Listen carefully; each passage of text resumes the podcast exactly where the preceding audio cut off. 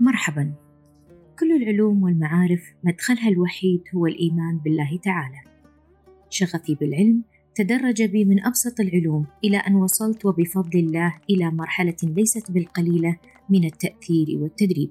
وأيقنت خلال تلك المسيرة أنني من غير إيمان صحيح وقويم وقوي لن أصل إلى فائدة مميزة في حياتي. معكم أسماء بندر العتيبي من بودكاست رشفة فكرية. بحثت في السعادة في بداية طريقي في التدريب فوجدت أصلها في الإيمان بالله تعالى. ثم تدربت على الاتزان فوجدت أن جذوره نابعة من الإيمان بالله. قرأت عن المشاعر والأحاسيس فوصلت إلى أن جواهرها تتلألأ من الإيمان بالله تعالى. اليوم يسعدني أني أدلكم على أول خطوة في طريق الحياة طيبة يقول الله تعالى في كتابه الكريم. من عمل صالحا من ذكر أو أنثى وهو مؤمن فلنحيينه حياة طيبة ولنجزينهم أجرهم بأحسن ما كانوا يعملون. طبعا الإيمان بالله كلمة شاملة لمعاني كثيرة وحقائق متنوعة دلنا عليها القرآن الكريم. والسنة النبوية العطرة لكن ستكون خطوتنا للوصول إلى الحياة الطيبة خطوة بسيطة واضحة محددة ليسهل تطبيقها بمشيئة الله تعالى. سنبدأ بأنفسنا. بما أن نحن البشر مجموعة من أشياء كثيرة. إحنا مجموعة من قيم مبادئ أفكار معتقدات مهارات خبرات وغير هذا كثير. فمن الطبيعي في عصرنا الحالي المتسارع المتغير باستمرار أن يتراكم كل يوم ويتزايد بند من البنود السابقة اللي ذكرتها دون أن نشعر. فنتكدس من الداخل أيضا دون أن نشعر. ألا يحتاج هذا الموضوع وقفة قصيرة؟ لنفهم تلك الكركبة التي بداخلنا ونستوعبها ثم نعيد ترتيبها وتصحيحها أو نسأل السؤال بطريقة أخرى. بماذا أبدأ الترتيب؟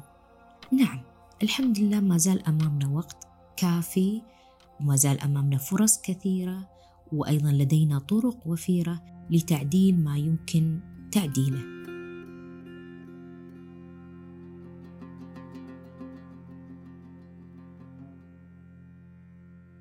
فلنبدأ معا. كما ذكرت سابقا أن أول ما نبدأ به أنفسنا وذواتنا والتي لن نعرفها إلا عن طريق معرفة علاقتنا بالله نتفحص علاقتنا مع الله هل علاقتنا صحيحة؟ إذا كانت علاقتي مع الله غير صحيحة إذا كيف أصحح هذه العلاقة؟ أو ما ماذا أحتاج لتقوية علاقتي مع الله؟ أهم شيء لابد أن نتأكد منه في هذه النقطة هو لازم أتأكد من جودة الصلاة لأن الصلاة الصحيحة مفتاح لأبواب كثيرة في الحياة ففي اليوم إحنا عندنا خمس صلوات. خمس صلوات ليست بالقليلة ولكن مع ضغط الحياة والانشغال الدائم وال وال والحياة المتسارعة إذا ما صلينا الخمس صلوات هذه بتركيز عالي وصحيح بالتالي لن نحصل على نتائج هذه الصلاة.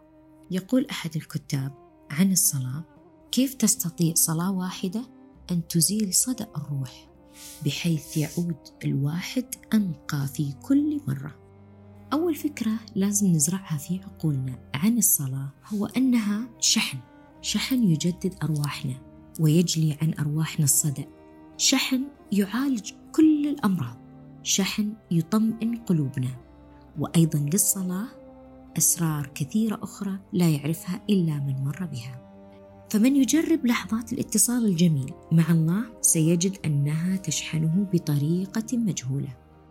أحبتي من آثار هذا الاتصال الجميل راح يترتب كل ما تفكر به في حياتك بأمر الله تعالى وسيتخذ كل فلك مساره الصحيح لذلك لا بد وأن تخضع صلاتنا وعباداتنا بالترميم المستمر بشكل دائم. هنا نكون وصلنا إلى فكرة جميلة وهي حاولوا أن تعيشوا لحظاتكم اليومية وأنتم تستشعرون مراقبة الله لكم ومعيته. تلذذوا في كل حركة وحرف في الصلاة واعلموا أن الله سبحانه وتعالى يعلم ضعفكم وحاجتكم.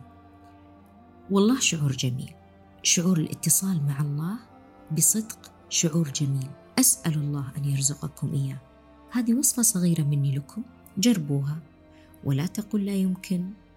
ابدأ بخطوة صغيرة وحافظ عليها كل يوم إلى أن تتحول إلى عادة جديدة راسخة.